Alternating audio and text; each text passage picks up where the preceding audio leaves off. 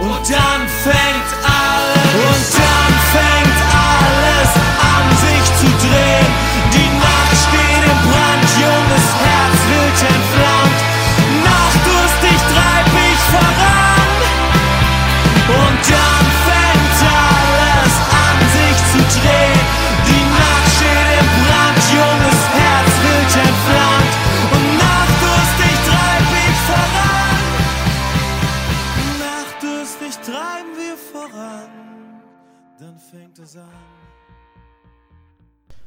Servus alla Schwarzwaldtårte-snaskare och välkomna tillbaka till eh, den eh, magiska Dreikede podcast som efter ett eh, tragiskt långt uppehåll eh, nu är tillbaka och förhoppningsvis lite mer regelbundet i framtiden. Jag vet att vi lovar, eh, men vi är också människor med våra eh, synnerligen fantastiskt upptagna liv faktiskt.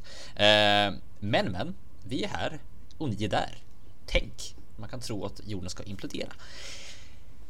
Mina två eh, eviga gäster, låt säga, låter väldigt eh, tragikomiskt men eh, ni är mina eviga gäster. Eh, Erik och Erik, vi kan börja med Appelqvist.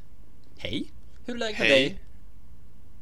Ja, läget är bra. Jag vet inte om jag skulle kalla mig för en evig gäst. Det känns lite... Evig gäst, ev, evig bisittare. Ja, det är bättre. Eh, och det gäller den andra Erik också förstås. Nej, men det är bra. Eh, det är toppen. Och jag är taggad på att sätta igång med lite Dryket igen. Det var på tok för länge sedan. Fint. Med evig gäst kan man göra massa bröd. Det stämmer. Den andra eviga bisittaren då, eh, Bodén. Mm. Hur är läget med dig? Eh, ja, det, det är väl okej. Eh, som sagt så man, man är väl lite så lite börjar väl känna lite så lite småförkyld och sånt där. Men det är ju den perioden nu när man börjar bli lite höstdeppig och så. Men där så är det ju skönt att man kan lätta upp stämningen med lite drykatter. Ja. Jag, jag älskar hösten så jag, jag tycker om såna här dagar när det, liksom, när, när, man, när det är mörkt när man går till jobbet och mörkt när man kommer hem. Ja, kul för dig. Ehm, ja, visst är det kul. Ehm, denna bedrövliga novemberdag så mår jag också väldigt bra. Jag har väldigt, väldigt mycket att göra men är fascinerat väldigt, väldigt ostressad. Ehm, vilket är skönt. Känner att allting är under kontroll liksom. Det är nice.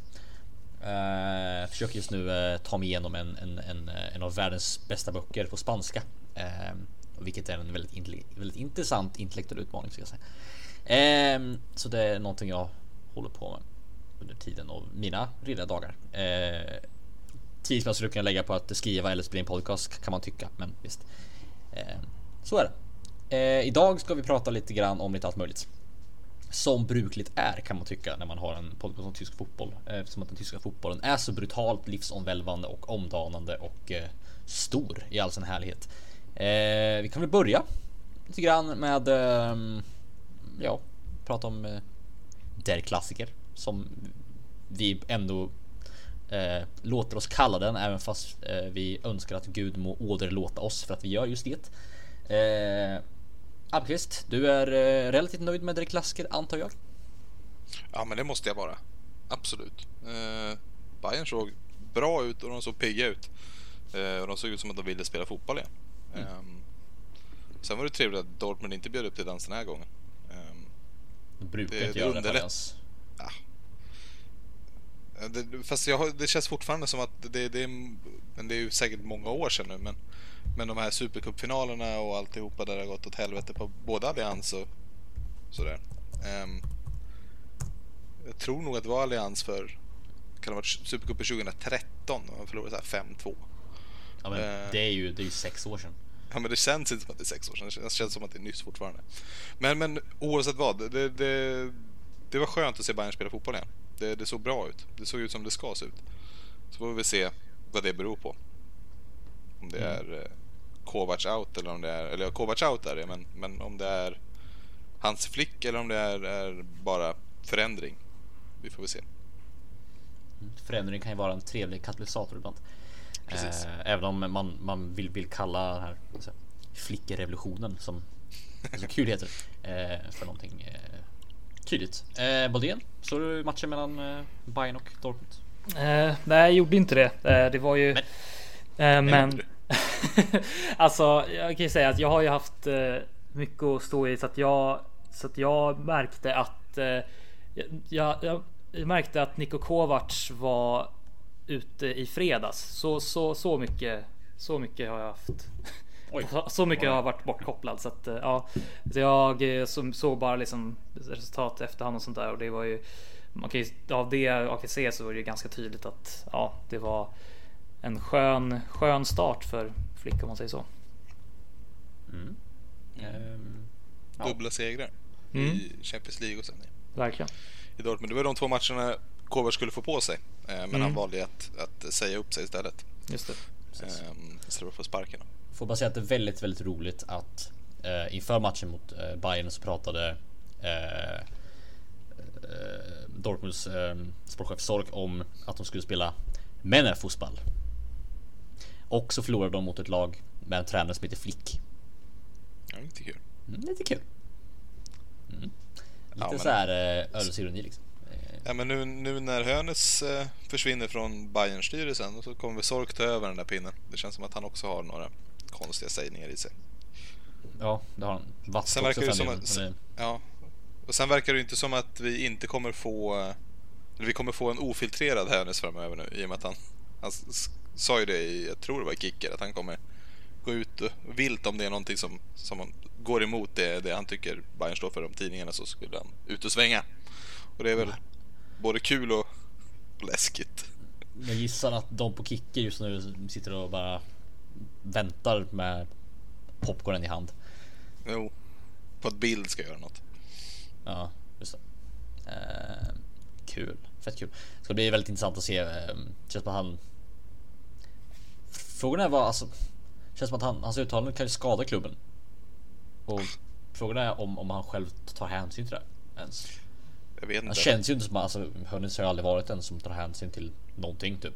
Förutom Nej. sig själv. Och- Men eh, ja. Jag tror han, det, jag ska se om jag kan hitta vad, vad det stod där. Jo, men han sa nu- när jag inte har någon liksom, officiell funktion längre så, så kommer jag kunna gå till attack om jag måste liksom. Ehm, det har du då- gjort då innan också. Göra ja, ja. men då, då, då, då skrev jag, jag sa svar på det. Han kommer aldrig sluta vara kontro- kontroversiell. Hat, hatar att älska honom och älskar att hata honom. Det, det är Ja, många är känslor kring den mannen. Ungefär så. Ja, jag gör den idén att han, han, är, han, han har varit rakt dålig för tysk fotboll eh, under de senaste tio åren. Eh, Men eh, det är ju en, det är en annan diskussion man kan ta. Ja, det, den har vi tagit förut också. Ja, jag vill minnas att jag vann den. Ah, jag tror inte det var någon som... Alltså, jag tror att vi landade i att, att de uttalanden han på med nu skadade Bayern. Jag tror inte att Ja, vi, så kanske jag tror inte att vi landade i att det var dåligt i tysk fotboll. i Ja, det är ju en att, större eh, fråga. Det är en mycket större fråga och det han har gjort för Bayern och tysk fotboll de senaste 30 åren tycker jag utväger de sämre tre senaste. Liksom. Kanske. Så ja, jag, jag tror inte du vann den, men vi var ju inte helt oense. Nej, det var kanske inte. Vi enades. Ja, i någonting. Ja, så som Mm. Östtyskland och Västtyskland. Vackert. För det, det hände ju också helgen. Tänk vad kul. Mm. Två väldigt, väldigt eh, stora händelser hände i helgen. Det var 30 år sedan Berlinmuren föll och det var 10 år sedan Robert Enke dog. Jo, Eh, vilket såklart är eh, väldigt eh, speciellt i Tyskland, båda, sakerna. Eh, den ena saken var ju såklart eh, världsomspännande och den andra saken var ju lite mer eh, när till hands för tyskarna. Eh, Fast var, ganska, var inte det ganska världsomspännande också? Nu, nu är det ju 10 Jo, år sedan man kanske inte riktigt var i, i luppen då, men Men det, Men det är ändå 10 år sedan så det, det blir ju ett jubileum någonstans för eh, Jo, en målvakt som en mål, målvakt som i sig då var liksom eh, världskänd start. och skulle ju vara startmålvakt i, i, i EM 2010. Sen så är ju själva frågan i sig är ju, har ju blivit eh, någon slags alltså, den här händelsen bland många andra såklart har ju blivit en katalysator för en, en ökande eh, medvetenhet kring, Mm. kring ämnet, vilket såklart är hur bra som helst. Men kanske lite synd att man behövde gå igenom ett, ett, ett hopp framför tåg för att man skulle fatta liksom. Ehm, för att man skulle börja fatta. Det ju, många fattar ju fortfarande inte. det var Ehm, Neuer kände idag. Ja, eller jo, helgen. alltså, Det var alltså, ju jag- tack, tack, ja, tack vare får man väl säga, eller på grund, På grund av, av det, så, det, så fick han ju sitt genombrott. Ja, jag, jag, Ja, fall tänkte på det här, alltså, tänkte på det här helgen också. Ehm, att det var ju på grund av det som, det var ju på grund av den tillfälligheten som Neuer faktiskt liksom fick ta det steget och fick visa upp sig på den stora scenen. Mm. Det är ganska fascinerande eh, om man tänker på det. Ehm, Sådana små saker kan liksom eh, den, den en- enens död blir en annans bröd på ett väldigt, väldigt tragiskt sätt. Ehm, Så är det. Morbid. Morbid, ja, jo, du vet. det, det är sån jag är. Eh, ja, ja min, mina tankar kring matchen var väl... Eh, jag vet inte riktigt, det var eh, lealöst Dortmund. Väldigt dåligt Dortmund, extremt dåligt Dortmund. Kanske det sämsta jag sett på hela säsongen, vilket säger ganska mycket i och med att det var den matchen. Liksom. Eh, annars var det ett Bayern München som var um, fortfarande inte liksom top notch, men de var ju väldigt mycket bättre än de varit under stor del av de senaste två säsongerna. Eh, så såg ut att vara på hugget. De pressade rätt och pressade konstant och lite mer samordnat än de gjort innan. Istället för att en pressar och de andra bara står och kollar så pressar de tillsammans. Och det vet jag inte om det handlar om bara att Kovac bort. Jag tror också det handlar om en motivationsfråga. Jag tror att Bayern spelare har blivit väldigt för, alltså alldeles för mycket för bekväm i sina roller och eh, jag tror de behövde en tränare som kunde bara gå in och skaka om dem och få dem att fatta att eh, hörni, jag tror även att matchen mot Frankfurt gav, dem en slags kick. Ja, jo, det var ju... Det, om vi pratar om katalysatorer så var ju det en ordentlig Definitivt. katalysator. Definitivt. Jag tror att... eh, Jag har ju fortfarande inte sett matchen och har inte sett målen och jag vill helst inte prata om det. Nej, det är just synd att vi inte spelade in den här podcasten förra veckan. Ja, Ehm. ja det- hade inte gått ändå. Det var att jobba. Nej, men eh, det är ju... Alltså att jag tror att Bayerns problem, liksom Tysklands landslagsproblem, tror de går ganska mycket hand i hand i det här sammanhanget. Som det alltid har Eh, gjort också. Som det alltid gjort egentligen, ja. Precis. Det, är alltså det som händer i Bayern hä- hä- händer även för Tyskland och det är en slags evig symbios som är ganska, ganska bra tror jag i, i, slutändan för tyska fotbollen. Men eh, just det som är problemet som jag minns jag skrev efter VM 2018 är att alltså de, de är mätta på succé. De, de vet inte riktigt vad de ska göra för att motivera sig vidare. Ehm, och jag tror att om de inte får in, får in någon då som, som Hansa Flick i alla fall gjort i alla fall den här matchen. Nu ska man inte dra för stora växlar i en match, men ändå. Eh, om de får in någon som kan ge dem lite speed och lite, lite kick så har de ju spelmaterialet för att spela toppfotboll. Liksom det, är, det, är, det är en bra trupp eh, man sitter på. Sen har de vissa svagheter i vissa delar av, av truppen där de kanske behöver förstärka lite grann och här och var. Men de, de är, det är en, en trupp och ett startelva som i grund och botten är en av- en av världens bästa. Eh, om, om, om de spelar den fotboll som de kan göra. Eh, men har de måste liksom- mittbackar man ska ha? det tror jag. Alltså absolut. Ja. Alltså, jag, tror att, att när, när Schüle kommer tillbaka och faktiskt är där Och han, han ska vara och Hernandez. Där har man, har man två stycken som är som inom två, tre år kommer liksom vara eh, ett av världens, om inte världens bästa mittbackslås. Sen har man ju då Kimmich och Pavard på högerbacken. Alltså jag, jag har- måste säga att Pavard har ju varit lysande på högerbacken. Inte, Ja, han har varit ganska kass som mittback när han har fått spela där, men på, på högerbacken har han ju varit extremt Jo. bra. Men alltså Pavard är en, en, en högerback grund och botten. Det det var en redan Det är han inte i... Nej, nej. Jag tror han är högerback från början. Eh, Det var ju Okej. när han spelade i eh, var det? Nej, inte Nice. Det var ju... Lille. Ja, Lille var det nog. ja. Ja, Lille var det nog. Ja, det. Eller jag, Lille kör, jag kör en liten dubbelkoll Eh, när man ändå håller på. Jag tror, jag tror det är Lille. Jag känner att jag får spela för rött lag i Vi, vi, vi, Jag tror inte det var andra divisionen. ja. ja, men titta. Lille var det. Lille, Mm. där. Eh, Lite, så- lite koll om. Jag tror han kom till Stuttgart som högerback. Eh, och han var ju Ja. högerback ett tag i Stuttgart men sen så flyttades han in för att de inte hade någon annan och då gjorde han Lysten där så då fick många idén om att han var en mittback men i Frankrike så är han känd som en högerback. Eh, och jag tror att man i Bayern värvade honom för att vara högerback.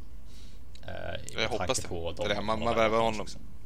Man gjorde ju som både honom och Hernandez att det är både mitt, mittback och vänsterback. Eller mittback och ytterback i den där Ja. spelaren. Och det, det tror jag är helt rätt väg. Det känns som att det är väl en, har varit genomgående för Tysklands framgång de senaste 6-7 åren. Att, att, att man har haft väldigt många spelare som kan, inte bara kan spela på en position väldigt övertygande utan kan spela på två, tre positioner. Till exempel Thomas Mm. Müller eller, eller eh, Toni Kroos, eh, Marco Reus, Kimmich. Kimmich. Eh, vi har liksom ja, men, Werneris också. Det är ju eh, Havertz är ju nu också egentligen. Han kan också spela på ett antal positioner. Brandt är definitivt så. Mm. Eh, Lam. ni förstår, man har liksom ett antal spelare som kan spela på väldigt många olika positioner. Mm. Och Bayern har ju exakt samma tänk. Ehm, så att just den där flexibiliteten, både taktiska flexibiliteten men även pos- positionella flexibiliteten är någonting som gör eh, Bayerns trupp stark i grund och botten. Så mycket starkare än, än, än under förra säsongen. När jag kommer ihåg eh, att jag satt och pratade om att man, man, man hade eh, att man inte bara hade eh, ingen dålig bredd utan man hade liksom ingen, ingen kvalitet i den minimala bredd man hade heller. Eh, nu, har, nu har man en viss bredd och man har en väldigt, väldigt hög kvalitet i den bredden som kan spela på väldigt många på, olika positioner. Vilket är bra. En Jag spelare som att- vi måste tillägga där. Ja, Alfonso Davis. ja en till. Definitivt. Oj, vad bra Spela han har varit. var som helst från vänsterbacken. Jag skulle inte förvåna mig om han kan gå in och spela som offensiv mittfältare också. Liksom. Det, är, det är en sån spelare. Ehm, så att ja, där har vi en till. Och just i det här spelmaterialet har man kapaciteten att spela en hög oktanig fotboll eller Folgas fotboll som man kan kalla det i Tyskland. Ehm, Hur ser det ut med eh, Coutinho för övrigt? Han har väl inte spelat så mycket nu eller? Eh, både han, eller? och Thiago har, ja, både han och Thiago har ju blivit bänkade av Flick. Mm, just det. Eh, Så får vi väl se vad, vad det tar vägen. Men Mm. eh, vilket jag visserligen tror är delvis rätt val för att Ja. ingen av dem har ju sett speciellt alerta ut liksom. Nej, precis. Så jag tycker väl att Thiago, är, ja, han har inte varit sig själv, men han är fortfarande en spelare som har den kvaliteten han kanske ska starta. Mm. Ehm, men Coutinho har ju inte övertygat. Han är väl enda nyförvärvet som fortfarande inte riktigt har övertygat heller. Nej. Mm, För Pavard har ju gjort inte det-. Uh, Hernandez har ju varit, var ju lysande till skadan. Och, och Perisic gör ju ändå sitt jobb, får man ju säga. Han är ju en kämpare. Mm. Och jag önskar nästan att Bayern pungar ut, vad kan det vara, 30 miljoner för att bara hålla kvar honom. Um, för att jag tror att han, Perisic är den typen av truppspelare man behöver, men, men Coutinho är ju inte det. Um, Coutinho ska ju starta. Om, ja, men han ska ju starta om, om han är i laget. Om han inte gör det så kommer han inte påverka någonting. Nej, precis. Men jag ser, jag ser inte var han ska starta i laget nu heller, för Müller har varit bra nu. Sen har jag ska säga att jag alltid tyckt att Coutinho varit eh, överskattad eh, av media. Det har alltid varit en, jag har aldrig riktigt förstått grejen med honom. Eh, Jaha. han har liksom inga spetskunskaper. Alltså teknik, ja, men liksom vad, vad annars? Liksom någon speciell blick för spelet. Ja, han har ju blick för spelet som är bra nog för att spela i ett topp i ett bra lag, men det är Mm. liksom ingen, ingen som Kroos, Özil blick eller liksom De Bruyne för den delen. Eller, Nej. förstår jag? Nej, men det han, är ju- han, ja. Det är ju Forsberg-blick på den spelaren. Liksom. Ja, mer, mer på det sättet. Ja men han, han, alltså, han, han hade ju en, en period i alla fall i Liverpool där han var fullkomligt lysande. Men sen kan jag hålla med om att han har Han har inte jättemånga liksom så här olika. Alltså han har, han har sitt mål liksom så här, han, som han gör. Det är liksom han kommer från sidan. Tar, tar in lite mot, mot mitten och så skjuter han i bortre. Liksom. Det, det, det är typ det han har. Liksom. Sen är det inte så jättemycket mer faktiskt. Så är det ju. Och det är ju så. Och jag tror även att om man ska fortsätta spela den pressen som man spelar med mot Dortmund så tror jag fort, fortsatt att det är bra att, att inte spela med varken Thiago eller Coutinho. Mm. För att jag tror varken Thiago eller Coutinho är pressspelare. De är Ja. alltså mer eh, speluppbyggnad och i ett pressspel behöver man inte ha de spelarna i överflöd som Bayern har om man spelar med de två. För om man spelar som man gjorde mot Dortmund, jag tror man hade bara Goretzka, Kimmich på mittfältet eller? Nej, Goretzka kom in i slutet gjorde han. Nej, Kimmich Goretzka och startade. eh, Goretzka startade, så Kimmich och Goretzka. var, och Müller var det Och som Müller. startade. Ja, det är Eh, liksom ett, ett, ett, ett mittfält som, som arbetar sju- alltså 100, 150% i 90 minuter. Jag skulle kunna tro att det var en 4-2-3-1 också. Så vi är tillbaka i en gammal klassisk eh, Mm. Ja. press, pressarformation. Precis. Och sen så har man då eh, Tolisso som är också Visst, han har inte nått upp i sin, kval- i sin kapacitet, men han har Nej, men han har sin skada också. ja, precis. Och så har han lungorna och den, och den här intensiteten och intelligensen utan boll att göra det jobbet som, som eh, ett pressande lag behöver. Sen har han dock inte intelligensen med boll. Nej, Det- det, det det, saknar han visserligen. Eh, och det är där som man skulle behöva balansera. Men det har ju eh, Kimmich, det har ju Goretzka eh, Ja. i överflöd. Ja, Kimmich har ju Eh, varit eh, bästa spelaren så här långt. Ja, han har varit den bästa spelaren i, Han- i han ju- Europa liksom, säsongen. Ja, men han har ju verkligen varit hemma på den där mittfältspositionen nu. För det har han inte varit tidigare när han fått hoppa in i mittfältet. Ehm, han började ju där vet vi, men, men, men sen så blev han ju mer och mer hemma i hö- högerbacken. Men nu behöver han inte vara där i och med att Pavard har varit så bra. Mm. Så ja, det, helt plötsligt ser det bra ut där. Det pratades ju om att vi behövde värva någon, någon defensiv mittfältare inför säsongen, men Mm. så ser det inte ut nu. Sen så får eh, Jair Martinez spela och det är ju en underbar liksom, liksom upp, alltså, uppspelsfot bara där. Ja, Eh, man vill, man vill ju att han ska spela. Ja, Det så det, liksom- det finns ganska många liksom, eh, spelare som, som kan göra det jobbet också. Så jag, jag tror att det är en eh, Det är rätt taktik för det här laget att spela en med hög press. Eh, det här laget har liksom den kapacitet som krävs för att göra det. Och det är också ett spelsätt som gör att man kommer igång. Man, man blir liksom lite mer alert, man lite mer fokuserad, li- lite mer motiverad. Eh, Mm. än, än om man spelar en lite mer passiv fotboll. Mm. Någonting som Bayern verkligen behöver nu för de behöver bli motiverade, de behöver bli lite mer liksom, rejäla i sitt spel. Eh, lite mer Liverpooliga om man säger så i sitt eh, pressspel. Och det är, det är någonting som var väldigt tydligt mot Dortmund. Ty, tycker jag. Eh, yes, någonting mer om det klassiker? Kommer Favre sitta kvar? Ja, säger jag. Ett tag till. Eh, jag tror inte att det finns något bättre val just nu för Dortmund. Roger Schmidt? Nobby Mayer säger jag då. Härligt. Ja, det hade varit. Ja. Fast han ryktas ju till Köln va? Tror jag. Ja, gör det? Oj. Eh, var det inte Mainz va? Mainz var det Ja. Mainz. Ja, men det är... Ja. Köln har varit lite jobbigt. Stöger är väl ledig också? Ja, just det. Fint. Det är väl någonting för Köln. Eh, Pal Dardai. Som jag minns att eh, Andreas Holm skrev på Twitter. Ja, man ska få in en till eh, Hertha Berlin Prodigy så, Mm, precis. som Favre ändå får vara. Ja, exakt. Nej men eh, jag tror att eh, han kommer få stanna ett tag till. Jag tror han får några matcher på sig i alla fall. Eh, och jag tror att det kommer se bättre ut. Jag tror han får stanna. Sen om man vinner ligan eller inte, det vet jag inte. Jag hoppas som det just nu hoppas jag att, eh, att status quo i Bundesliga fortsätter som det är och att Gladbach tar hem ligan. Det vore ju fruktansvärt roligt. Jag hade inte varit ledsen. Nej, om Gladbach, man man om, om. Gladbach är det laget som vinner hade jag inte varit ledsen. Nej, Eh, däremot så vill jag fortfarande att Bayern vinner. Men nu ligger Bayern där jag trodde de skulle ligga. Så. Ja, och Leipzig ser ju ruskigt vassa ut också. Så Ja. Kan bli intressant. Ehm, tror ni att Favre stannar kvar? Han får till eh, vinteruppehållet på sig, tror jag. Så får vi se sen. Mm. Ja, men det tror jag också. Om Det inte några... sex matcher. Precis. Kan jag tänka mig. Mm. Absolut. Eh, bra, ska vi gå vidare då? Tycker jag. Eh, ska vi prata Schweiz? Mm. Kul. Kan vi göra. Mm. Eh, det är ju nämligen så att eh, ett eh, väldigt otänkbart lag leder ju nu eh, Zweite Bundesliga. Det vill säga laget från den historiskt oerhört viktiga eh, lilla byn eh, Bielefeld, alltså Arminia Bielefeld. Eh, jag tror jag nämnt det innan, men Arminia i namnet kom ifrån eh, ett av Tysklands absolut mest viktiga slag under eh, någon, liksom, någon del av historien. Under när eh, Arminius, eh, hövdingen av eh, västgermanerna, klodde eh, romarna i eh, slaget vid Teutoburgskogen. Teutoburgskogen har ju då gett namn till Deutschland eh, i sin tur. Eh, så att eh, det är en väldigt, väldigt viktig plats för tysk historia, Bielefeld och det är väl kul att se dem tillbaka i den här eh, delen av eh, tabellerna. De har ju ändå varit ner och vänt i Dritte eh, och även längre ner tror jag till och med. Så att, kul att se. Eh, har ni några känslor kring detta oerhört frejdiga?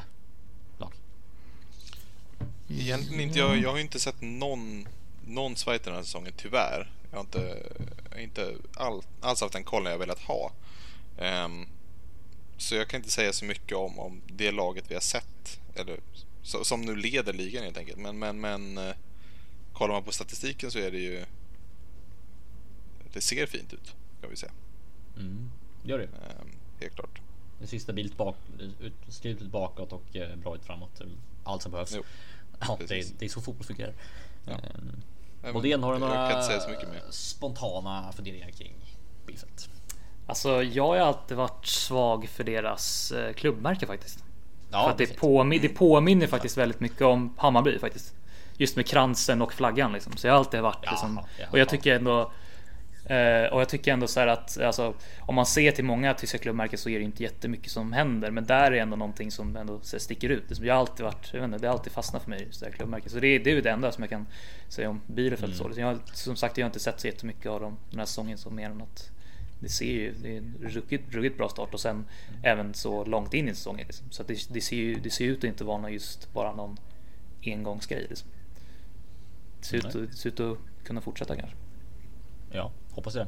Det är en väldigt kul arena också och väldigt kul eh, stämning Mm. runt den klubben överhuvudtaget. En gammal anrik klubb med ganska trevlig historia.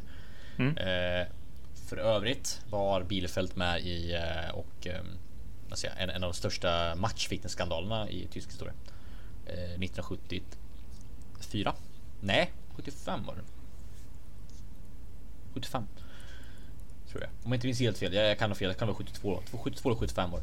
När eh, eh, Offenbachs eh, tränare eller sportchef klev ut i media efter sista omgången och berättade att han han tillsammans med Schalke sportchef, Arminia Bielefelds sportchef och Rotweiss Oberhausens sportchef hade fixat matcher för att se till att eh, att ehm, eh, att då Offenbach Eh, och även eh, Bielefeld skulle då stanna kvar i, i, i Bundesliga. Eh, vilket ändå misslyckades för att, eh, eller ja, Bielefeld stannade kvar men Offenbach åkte ändå ur. Vilket gjorde att han då sa det för att han visste att han ändå skulle åka ur. Eh, Så då fick eh, Bielefeld fick ett straff som gjorde att de inte fick spela i Bundesliga på några år. Eh, Schalke spelare gick in i rätten i Nordrhein-Westfalen eh, i tingsrätten eller vad fan det var och ljög. De gick. Eh, det nu? Eh, Mened, va? mi- Mened det precis. Eh, vilket gör att Schalke i, i hos vissa kallas för FC Meineid. Eh, roligt ord. Så de, de ljög och gick mened. Och det har väl inte riktigt kommit fram förrän 20 år efter och då har det inte riktigt varit straffbart längre. Så, eh, li- lite kul anekdot om Bielfeldt som som sagt har en eh, lång och ruskigt brokig historia. Lika brokig som deras klubbmärke. Ehm, så eh, brokiga bilfält kan jag rekommendera att titta på med eh, underbara spelen Fabian Klås på topp. Eh, riktig liksom, liksom vad säger rejäl målskytt. Och sen såklart Andreas Fogelstam också. Riktigt trevlig. Så jag kan rekommendera att om, om andan faller på och ni känner att ni har ett sätt att se på Zweite så se till att se några Bielfeldt-matcher för det går hett till. Det är framåt. Plus att Norbert Mayer har varit i klubben och då blir klubben direkt helgonförklarad. Och sen tycker vi Elf- Elfsborg gör om klubben nu också i och med att eh, Jocke Nilsson spelar där. Ja just det. Titta. Sen i vintras tror jag. Och fick göra väldigt bra ifrån sig också. Jo, Han spelar nästan varje match. Det det skulle jag tro. var kul. Mycket fint. Eh, jo. Ska vi gå vidare? Det tycker jag. Absolut. Det här som hände i Freiburg i söndags. Mm. Mm. Eh, jag hade tänkt l- låta er liksom prata om det här först. Sen ska jag gå in på min eh, lilla rant om ämnet. Eh, men eh, såklart har jag, har jag en väldigt ullig åsikt om ämnet såklart.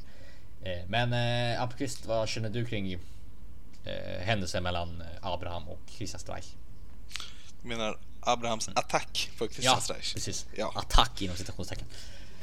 ja, fast attack tycker jag fortfarande att det är. Eh, Jo, nej, attack men... är, fast, eh, eh, attack är fortfarande för starkt ord. Ja, ja, jag tycker ju att eh, domaren gjorde det bra i den situationen. Sett till det kaoset som uppstod. Ehm, men eh, i grund och botten så tycker jag ju att Abraham ska kunna tygla sig så pass mycket som man inte armbågar en tränare. Oavsett vad den tränaren gör. Ehm, jag tycker att det är eh, hemskt, eller för, förjävligt ska vi säga. Hemskt. Att, eh, hemskt. Åh, det så känns hemskt. Inte, det, nej, men, men det känns för jävligt att, att, eh, att en spelare ska gå in och, och, och göra sådär. Tränare, mot en tränare eller mot en spelare, jag tycker det, det ska inte spela någon roll. Så. ehm, Det håller jag med. Oh, ja. det, och det var otroligt Där är slarvigt jag av med honom. dig helt och hållet. Det var det också. det är jag Eh, också med det dig. var... Det skulle han... eh, Han skulle låta bli helt enkelt. Så Mm. det, det, det... Det som hände var inte bra. Så det är Nej, ungefär det jag har det, säga. det håller nog alla överens Ja. Eller väl alla överens om. Modén, vad, har, har du sett situationen? Det har jag gjort. Eh, Det var ju. Det var faktiskt väldigt svårt att missa. Ja, Ulrika, på, ja, det var ja, överallt. Ja precis, på Twitter så kom det upp lite här och var. Eh, ja men det är lite inne på Appelqvists spår. Jag tycker att Abraham borde kunna kontrollera kontrollera sina tjänster. Men sen så fick jag ju, det gav väl lite flashbacks tillbaka när, eh, när, när Leverkusen mötte eh, Mönchengladbach borta. Så Heiko Herrlich var ju en liknande situation. Men då, då, var det, ju- då var det ju ingen touch överhuvudtaget och han liksom ramla från ingenstans. Så det var, det var otroligt komiskt. Så det var ju det jag först började tänka på när jag såg hela situationen. Men det här är ju, det är ju lite- lite mer tydligare liksom, kontakt om man säger så. Mm. Jo, Så att eh, det var lite mer, lite mer allvarligare. Jo, alltså jag, jag håller med om att det är vansinnigt dumt gjort av Abraham. på alla sätt och vis. Det är en Mm. riktigt korkskallig eh, aktion. Eh, extremt dumt eh, på alla sätt och vis. Och man borde bara liksom, ja, inte göra det som en normal människa skulle gjort. Eh, however, så eh, kan jag väl tycka någonstans moraliskt att det inte borde vara någon jätteskillnad från spelare och tränare. På så sätt att jag håller med om att handlingen i sig är dum i huvudet. Det där är mig med helt och hållet. Så ska, ska man se det på ett, på ett plikt moraliskt perspektiv så är det ju handlingen värdelös och den är värdelös är den ju oavsett men den är hur dum som helst. Men om man ser till konsekvenserna av allting. Eh, om man tittar på vad Abraham fick för straff. Han fick alltså sju veckors avstängning, alltså sex, stycken ma- sex matchers avstängning fick han. Eh, I Bundesliga. Ja, det, det är hösten ut så att säga. Ja, hösten ut. Ehm, vilken nära rekord i Bundesliga någonsin. Han fick även 25 000 i böter. Uh, vilket jag inte riktigt förstår varför, men ändå. Ehm, för att han, han blir inte stämd av Streich. Han blir stämd av förbundet. Och vad fan han blir stämd jag ingen aning om. Så. Teoretiskt sett, ponera att David Abraham hade gjort så här på en spelare på planen. Tror du att han hade fått sju matchers avstängning? Inte en chans. Nej. Nej, verkligen. Inte en Han har, chans. blivit av, han har blivit utvisad, absolut. Men Ja. eh, Ja, antagligen blivit utvisad. Eh, Mm. Det har han nog blivit, men det beror också lite på, trä, på, på, på, på domaren. Men han har antagligen Ja. blivit ut- utvisad. Ja, det tror jag. Eh, I alla fall re- regelmässigt sett har han skulle han blivit utvisad. Ja. Mm. Och han har fått två, tre matchers avstängning som vanligt där. Ja. Frankfurt kanske hade, försökt överklaga, men hade nog inte gått. Tre matchers avstängning. Fine, man hade gått med på det. Eh, fast samtidigt, alltså knuffen i sig är ju inte hård. Det är ingen armbåge. Han knuffar. Mm. Stark. Med händerna. det är väl till och med en utsträckt arm va? Han Ja, springer och sträcker alltså- ut armen i honom, det är väl det han gör. Ja, precis. Ehm, Och, och, och det händer det ju på, på ju- fotbollsplan hela tiden. Alltså Fast att man gör det på en fotbollsplan, det är liksom det är, det är inget speciellt. Det gör folk Ja, fast inte att du rakar faller. ut en arm för, för att få någon... Alltså, men han, han gör det ju för tydlig markering. Och han vill ju... Skada är väl fel ord, men han, han vill ju markera tydligt att... Eh, tyst med det liksom. Vad han Det, säger, det vet vi det, inte. det vet jag ingenting om. Jag, jag vill inte spekulera i vad, vad Abrahams motiv var. Eh, för jag känner inte relevant frågan. Men. Hade man gjort det där på, på en spelare på planen. Eh, så hade det varit en relativt normal handling på fotbollsplan. Alltså det är inte ofta. Det håller, jag, inte- det håller jag inte med om. Okej, men säg, säg att det inte är det. Säg att han får bli utvisad och får tre matcher. Det är allt. Det är inget mer. Han får tre matcher avstängning. Då får han sju veckors avstängning, alltså sex matcher avstängning. Tre matcher mer plus 25 000 i skadestånd på något jävla sätt, i böter till förbundet för någonting han gjort. Efter matchen så ska de skaka hand. Allt, alla ska ha betett sig jätteproffsigt efter matchen. Eh, och liksom ingen ska ha anklagat någon för någon för någon. Det har varit väldigt, väldigt vänligt. De ska alltså allting. Så vad fan får, får han 25 000 i böter för? Ingen jävla aning. Men Fick han det förbundet eller av klubben förbundet. själv? Det jag menar är varför ska det vara en moralisk skillnad mellan spelare och tränare? Varför är tränaren mer, mer värd? Varför, varför är tränaren värd sex matcher och de spelar över tre matcher? Vad fan är skillnaden? Vad är skillnaden mellan människa och människa? Jag fattar inte. Och det är det som gör mig lite jävla irriterad. Varför ska tränaren vara en jävla skyddad zon? När han i den här situationen provocerar lika mycket som en, en, en spelare på planen. Han spelade provocerat på planen, då hade Abraham Anthony också gjort det här, men fått tre matcher. När en tränare provocerar på exakt samma sätt och får fram exakt samma reaktion som han antagligen har fått på planen, då får han sex matcher. Tre matcher till, dubbelt så hög avstängning. Det vill säga att en tränare är alltså dubbelt så mycket värd som en, som en fotbollsspelare på planen. Fast de bo, bo, båda gjort exakt samma handling teoretiskt sett. De har båda gjort exakt samma sak teoretiskt sett. De har båda gjort lika mycket fel teoretiskt sett. Abraham har fortfarande gjort lika mycket fel teoretiskt sett. Ändå så får han sex matcher istället för tre matcher. Dubbelt så mycket. En tränare är alltså värd dubbelt så mycket som en fotbollsspelare.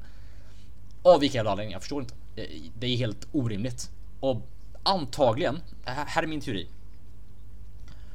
Hela världen, eller hela världen, hela världen vet vi. Hela fotbollsvärlden som är intresserad av tysk fotboll. Så fort de hör ordet Christian, eller namnet Christian Streich, så blir det blött mellan benen. En blöt fläck. En ganska stor blöt fläck som droppar ner på, ner på marken. Det är liksom, det är ingen hemlighet. Alla älskar Christian Streich. Christian Streich är Raymond. Alla älskar Raymond, alla älskar Christian Streich. Det är liksom, det är oundvikligt. Vad, vad han än gör, vad han än säger är det en ursäkta ordet runkfest kring Christer Stark. Det är, det blir rörigt i byxan. För att, eh, för att citera mig själv. Det är liksom, det är absurt. Hade det här, här hänt en oomtyckt tränare. Hade det här hänt Norbert Mayer. Hade det inte blivit sex avstängning. Det kan jag garantera. Vilket gör att förbundet i sin lag, liksom, lag, liksom, lagakraft tar hänsyn till vad allmänheten tycker om ämnet. Vilket är ett kardinalfel! Och driver mig till absolut vansinne. Ska vi också tillägga att eh, han som är eh, numera VD för förbundet är tidigare Freiburgs VD va? Ja, det också.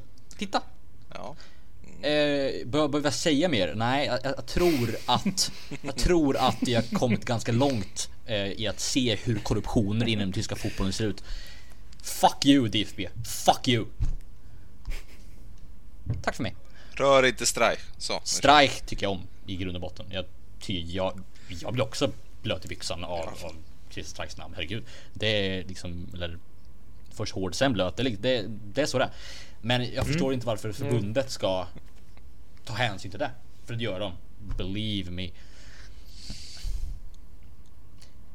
Däremot så tycker jag att förbannat dumt gjort av Dabra Abraham och de bör nog inte överklaga. Men eh, jag bara liksom vill ställa mig frågan till handlandet för förbundet för det är lite fucking dumt. Eh, och oförklarligt och eh, orimligt. Några invändningar? Nej. Nej, jag tror att Håller det är lugnt. Jag har en liten invändning i att jag ser inte att en tränare och spelare har samma värde. Så. Nej, för en Ja, fotbollsspelare det går, det gör går allt jobb. precis. Ehm, där, där håller jag inte riktigt med. Så. Har de inte samma värde? Ehm, nej, alltså som, som människor absolut, men inte som, inte som i rollen av vem du får tackla och inte får tackla. Nej, nej, men eh, Ehm. när, man, när man provocerar så känner Ja, jag att men man alltså- får för det gör han ju. Det är ju en relativt tydlig Ja, ja. liksom, att han provocerar. Absolut. Sen så eh, visst, Men- man ska inte victim shamea, men i det här fallet tycker jag att det är lite. ja, ehm, lite sådär, du vet, lite. Nej, men här, visst, det kanske inte borde bli sju, sju veckors avstängning. Men tycker fortfarande att det ska bli en större avstängning om du, om du tacklar en tränare än en, än en av spelarna på planen som du ändå har bataljer med. Som du ska ha bataljer Ja, men i med. så fall kan jag tycka att det skulle inte bara bli någon avstängning på planen, men en avstängning när det här händer. För jag tror inte, jag är inte jättesäker på att det ens hade blivit rött kort på Det där planen. det hade blivit en avstängning. Det här blivit rött kort. Är det så grovt? Ja, det tycker jag. Spelaren har inte bollen. Nej men, Det finns ingen anledning för honom att gå in och trycka till sådär så att spelaren ramlar oavsett om det är en förstärkning eller inte. Det där är ett rött kort oavsett. alright. Det kan jag väl gå. I och med att han inte har bollen. Ehm, ja, han har inte bollen. Han hade kunnat ha bollen. Och ja, ja, men då är det fortfarande inte rätt. Men, men då kanske det blir en annan sak. Om, om, om, om bollen är i spel och den, den spelaren som blir tacklad har bollen. Då kanske det blir gult kort och eh, frispark. Men när bollen är ur spel som den är i det här fallet och dessutom är liksom, ja, nej, jag, jag tycker det, det är rött kort oavsett. Det finns ingen anledning till att gå in och göra en tackling, framförallt när bollen är ur spel. Nej. Oavsett vad, hur mycket spelaren eller tränaren förstärker. Jag skulle vilja veta hur, vad var Streich sa till Abraham. Vilket Ja. Gör att vi kommer in på pyramiden om ni är redo för den. Mm. För det är precis det ämnet jag tänkte handla om. Ehm, om vi känner oss klara kring Streich. Jag, jag för, förstår vad du säger, det, det är väl, men jag tycker fortfarande att det, det är skevt att det ska vara sån grov skillnad mellan spelare och tränare.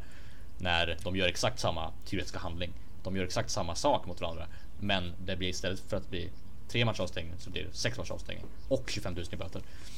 Um, plus jag sagt, tror inte att det hade blivit samma om det inte har varit Christian Streich. Det övertygad om. Ehm, så att ja. Ehm, DFB, men vi, vi vet ju att DFB är lite skevt så att uh, what you gonna do liksom. Men. Då så, pyramiden. Är ni redo?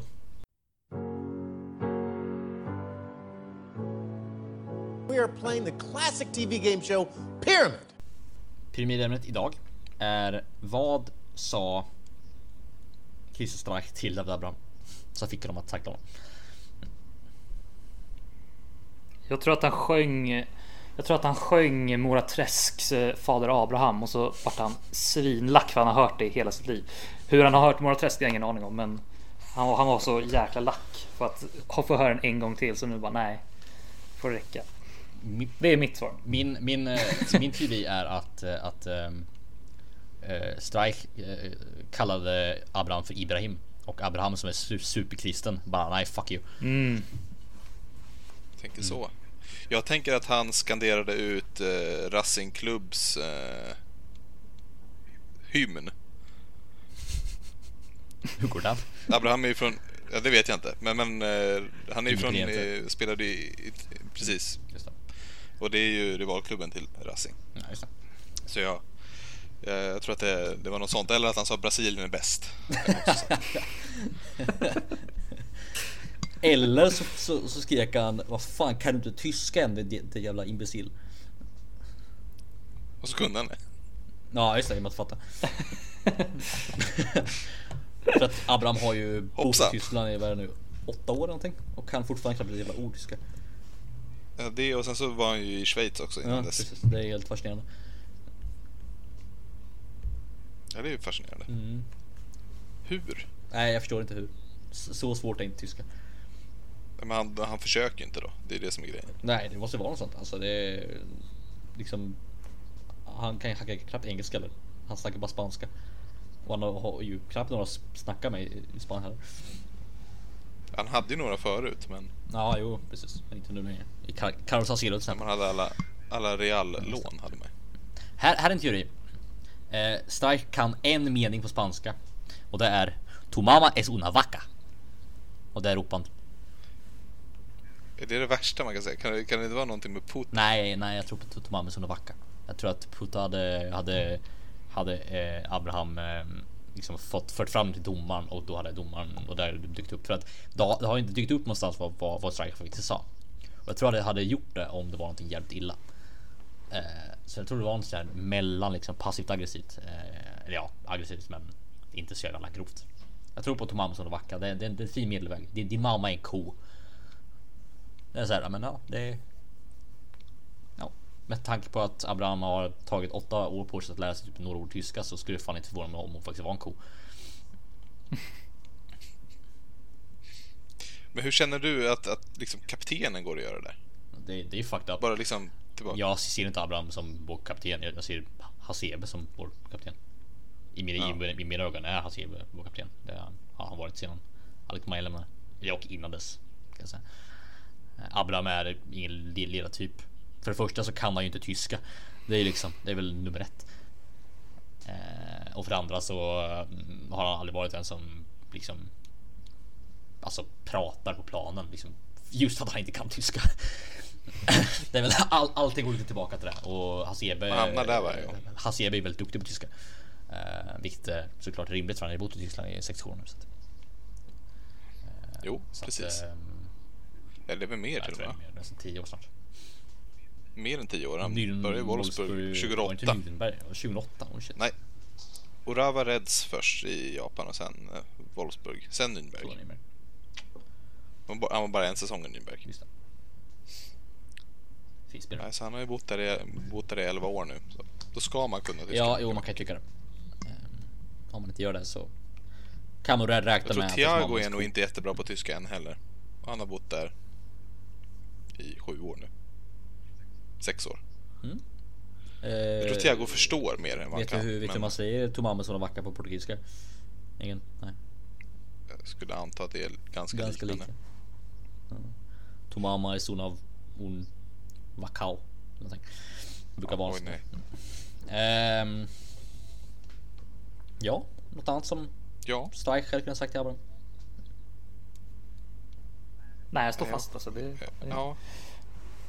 Han kanske sa Pata. Så syftar på liksom fader som Abraham. Men, men han hörde Pota. Lång- och på det. ja. det har vi. Ja. Kanske. Där har vi min mellanväg. Ja, ja. exakt.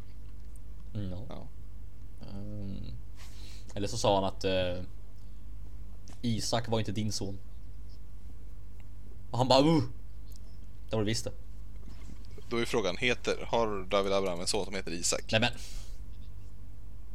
Ja men jag förstår. Ja.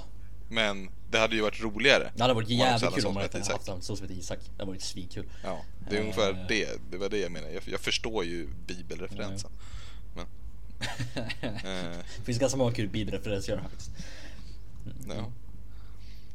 Ja, nej men vi... Eh, jag kommer inte på något bättre. En En patta. patta. No, nej. okej. Ja, Det var ju... Vad vad hette Abrahams, eh, eller Abrahams eh, fru nu igen? Miriam? Nej, jo det var Ja, Miriam. det Ja. Just det. för Sara var Noas va? Eller Noak. Ja. Hej och välkommen till Bibelpodden. ja, precis. Välkomna. Ja. Kom från bibelbältet. Ja. Ingen av oss. Nej. Det är ju Jönköping då. För de som undrar. Sverige. Eh, han skulle kunna sagt till Abraham att eh, skjuter du lösa skott? För det gjorde ju Ab- Abraham i, i Bibeln. Ja. Och Abraham är ju inte någon som skjuter hårda skott. Så att... Eh, ingen målskytt direkt. Eller det här kan jag inte göra också. Ja, då blir han vansinnig. På du, du, dubbla sätt här. Eh, Då bröstar han upp sig. precis. Eller så, så ropar han bara tackla mig inte. Men Abraham känner sig väldigt, väldigt trotsig just den här dagen. Ja, så försökte han ju flytta på sig också strax. Ja, precis. Precis. Tänk om det bara var så Ja. simpelt. Tackla mig inte. Jo! Dunk! Abraham är i, i trotsåldern som, som just nu är 32. Ja. ja, det känns lite så när många, många fotbollsspelare i Sverige håller på att prata om bajsa på sig och kissa ner sig och allt. Ja, jo, jo. Eh, Det, det känns som att de där åldrarna, för kiss och bajsåldern går högt upp i åldrarna nu. Ja. Och trotsåldern kommer väl därefter så. Just det. Och han är ju 32 tror jag. Så Ja, vi räknar med att typ Marco Reus är blir Kiss Kiss Bajsåldern. Ja precis. Ja. Fin inblick i Dortmunds omklädningsrum. Eh, ja, så går vi vidare. Så att vi är klara. Eller vill ni snacka Ja. mer bibel? Jag har ganska mycket att prata om. Jag tror att vi, vi är nog nöjda med Bibeln eh, för det här avsnittet. Ja, okej. Jag kan spara det till eh, nästa. Eh, I nästa avsnitt ska vi prata om eh, Moses och eh, vilken som var den bästa av hans eh, hämnder mot farao. Missa inte. Vad har vi mer? Inte jättemycket mer. Ja, vi har, ja, vi, jag tror inte vi har så mycket mer på, på schemat så. Vi har väl lite kollat vad Nej. som händer om två veckor men det kanske vi sparar tills, eh, tills lite närmare också. Ja, jag tror att um, Bodén behöver väcka sina fångar. Alltså. Ja, se vilka som Ja, har blivit det. avlivade också. Ja, Oj, precis. ett- ett sånt Se hur många som är kvar. Shit. Det skulle jag tro. Är vi, är vi i USA? Ja, kanske. Eller Kambodja? Det, det får fråga Boldén. Jag tror att det är Kambodja. Det är, Är, det, det är där i-tecken sitter. Så, ja, taken ja, ja det förtjänar i alla fall. Infängslat i Kambodja. Det, hur gick det till? så jävla kul skulle se ut. Deras sidekick går, runt i, i Phnom Penh och bara vad fan? Vad står jag håller? Ja, Vi ses. Nej, men då sparar vi det till lite senare då. Vi har lite eh, halvspännande matcher Halvspännande. på gång. Ja, ja det, det, är inte, det är inte den mest eh, den roligaste omgången som väntar. Nej, men det är inte den tråkigaste. Nej, precis. Den är fullt godkänd. Mm. Vi får dubba någon omgång till tråkigaste omgången. Även när bottenlagen möts. Fortfarande li- lite band över att vi inte lyckades se eh, Hannover Ny- Nürnberg förra säsongen. Ja, men vi kanske kan försöka få till den den här säsongen Ja istället. just det, möts ju igen. Ja, de ligger ju fan i botten också. Ja, det vore ju ännu mer tragiskt. Ska vi kolla när det är? Fast nu har ju faktiskt, eh, vem, vem har Hannover plockat in? Vet ni det? Vem har? Hannover plockat in? Som, de, de sparkar sin tränare. Som Ja. tränare? För att Eh, Nürnberg plockar in. Jens Keller och, och det är ju kul. Ja, det är ju, det är ju Ja. härligt. Ja, Om det De, är eh, Mikael Frontsek så kommer jag bra ska det vara. vänta, jag måste kolla om det här stämmer. Eller Mirko Slomka. Jag tror det ser ut att vara Mirko Slomka. Nej, seriöst. Nej, det var det. Ah, så Nej, han, han, fick, han fick Var han kicken. var innan? Så nu är det... As, ja, så är det Asif Sarik nu. Det är ju en jävla, alltså evig, Så han, han är inte en rim. jävla evig cirkel alltså. Ja, Mirko Slompa... Slompa. Slomka tar sig runt. Mikko Slomka är ju liksom, han är ju i Hannover fan varannat år. Han liksom bara väntar Ja. på, han, han kanske är den som får folk sparkade och sen så hoppar han in själv. För att han ska ha någonting att göra. Jo. Uttråkad. Mikko Slomka kanske är gud. Shit, Ja. vilken insikt. ja fr- fråga, frågar du folk i Hannover så tycker de väl det? Nej det tror jag inte de gör. Nej, det tror jag, inte tror det heller. finns- Och han har, bara, han, han har bara varit tränare i, i Hannover två gånger. Han har bara varit det. Känns som han varit typ 10. Ja. 2010 till 13 och sen nu. Jaha, oj. Lustigt. Men han, han häng, hängde ju i Hamburg där ett litet tag. Så det var ju också HSV. Mm, andra HSV. Det vore kul. Hannover är ju första HSV. Är det? Ja, ja. Ja det är det. Ja, nu är det det. Det var ju det vi landade Ja, just det. Det är sant. HSV är det värsta. Eh, Och vad är Hamburg då? Bara Hamburg. Nej, de är andra. HSV. Men eh, jag måste bara kolla så att vi hade rätt. För jag har för mig att de grundades. Jajamensan. Hannover är äldre. Är det? Det grundades Hannover. 1896. Men Hamburg grundades 1887. Eh, ja, nuvarande var 1919. Ja men de firar sitt 125 eller sitt jubileum från 1887. Ja, när det var SC Germania ja. Men sen de blev HSV ja, ja men så var det eh, 1919. okej. Nåväl. Så det är 100-årsjubileum i år. Oj. Det Eller vad? tror jag inte de bryr sig om faktiskt. Eh, men man, de kan ju inte säga att de var the original HSV Nej. från Fast hette 1887. Hannover ar- liksom Hannover SV 1896? Ja, de hade, hade, ja det All gjorde right. Då så. Då är det ju eh, Hanno- eh, Hamburg som är Copcats alltså. de. Ja. 1919, oj. Vilket år. Nej, ja precis. Fint. Mitt eh, direkt efter kriget. Weimarrepubliken. Mm. Nice. Fint. Alright. Eh, ja. Nej. Ja, det var väl ungefär Ja, det. ungefär det. Ja. Eh, Lycka till tyska landslaget. ja, vi kunde nog inte bry oss mindre just nu. Ehm, jag tror att jag bryr mig mer om det, alltså u laget det, det var kul. Eh, många kul små typer i det laget. Ändå. Jo. Är det ju. Ehm, ett antal från Eredivisie. Det är lite kul. Några som är som har försvunnit Jo, det och var kommit tillbaka. många från Schweiz Ja, också. det är med. Det är också kul. Det är ju en eh, tysk anfallare i... Vad spelar han? Sparta Rotterdam va? Ragnar Ache. Som har ös i mål. Jag har ingen, ingen aning om honom. Visste inte, hade knappt hört namnet innan. Riktigt kul. Alltid kul med nya små så här dålisar som dyker upp. Kommer säkert hamna i ett tyskt äh, mittlag inom relativt kort. Ehm, så det är roligt. Jo. Så att om, om du ska se på något tyskt landslag så se antingen på damlaget eller på eh, u för herrlaget är eh, inte Vi är jätteintresserade. klara med dem. Ja. Men eh, tack för idag herrar. Det var trevligt. Mm. Tack. Tack detsamma. tillbaka. Ja. Eh, så får vi ses nästa vecka. Förhoppningsvis Mm. om någon av oss har tid. Absolut. Ja, men det, det hoppas vi att vi har. Vi hoppas det ses som överger. Eh, så vi eh, avslutar väl helt enkelt eh, med ett sedvanligt eh, ciao. Tjus! Auf Wiedersehen. Fuck DFB.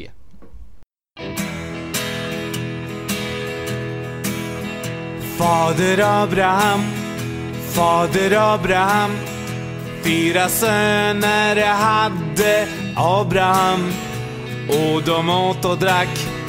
Och de drack och åt. Ja, sen gjorde de så här En gång till Fader Abraham, fader Abraham. Fyra söner hade Abraham. Och de åt och drack. Och de drack och åt. Och sen gjorde de så här Höger hand, fader Abraham. Fader Abraham Fyra söner hade Abraham Och de åt och drack Och de drack och åt Och sen gjorde de så här. Höger hand, vänster hand. Fader Abraham, fader Abraham. Fyra söner hade Abraham. Och de åt och drack, och de drack och åt. Sen gjorde de så här. Höger hand, vänster hand, höger fot. Fader Abraham, fader Abraham. Fyra söner hade Abraham. Och de åt och drack, och de drack och åt. Och sen gjorde de så här. Höger hand, vänster hand, höger fot, vänster fot. Fader Abraham, fader Abraham. Fyra söner hade Abraham. Och de åt och drack, och de drack åt. Och sen gjorde de så här. Höger hand, vänster hand, höger fot, vänster fot. Huvud Fader Abraham, fader Abraham. Fyra söner hade Abraham. Och de åt och drack, och de drack åt. Och sen gjorde de så här. Höger hand, vänster hand, höger fot, vänster fot. huvudet, kropp med fader Abraham, fader Abraham. Fyra söner hade Abraham. Och de åt och drack, och de drack åt. Och sen gjorde de så här. Jo, hej!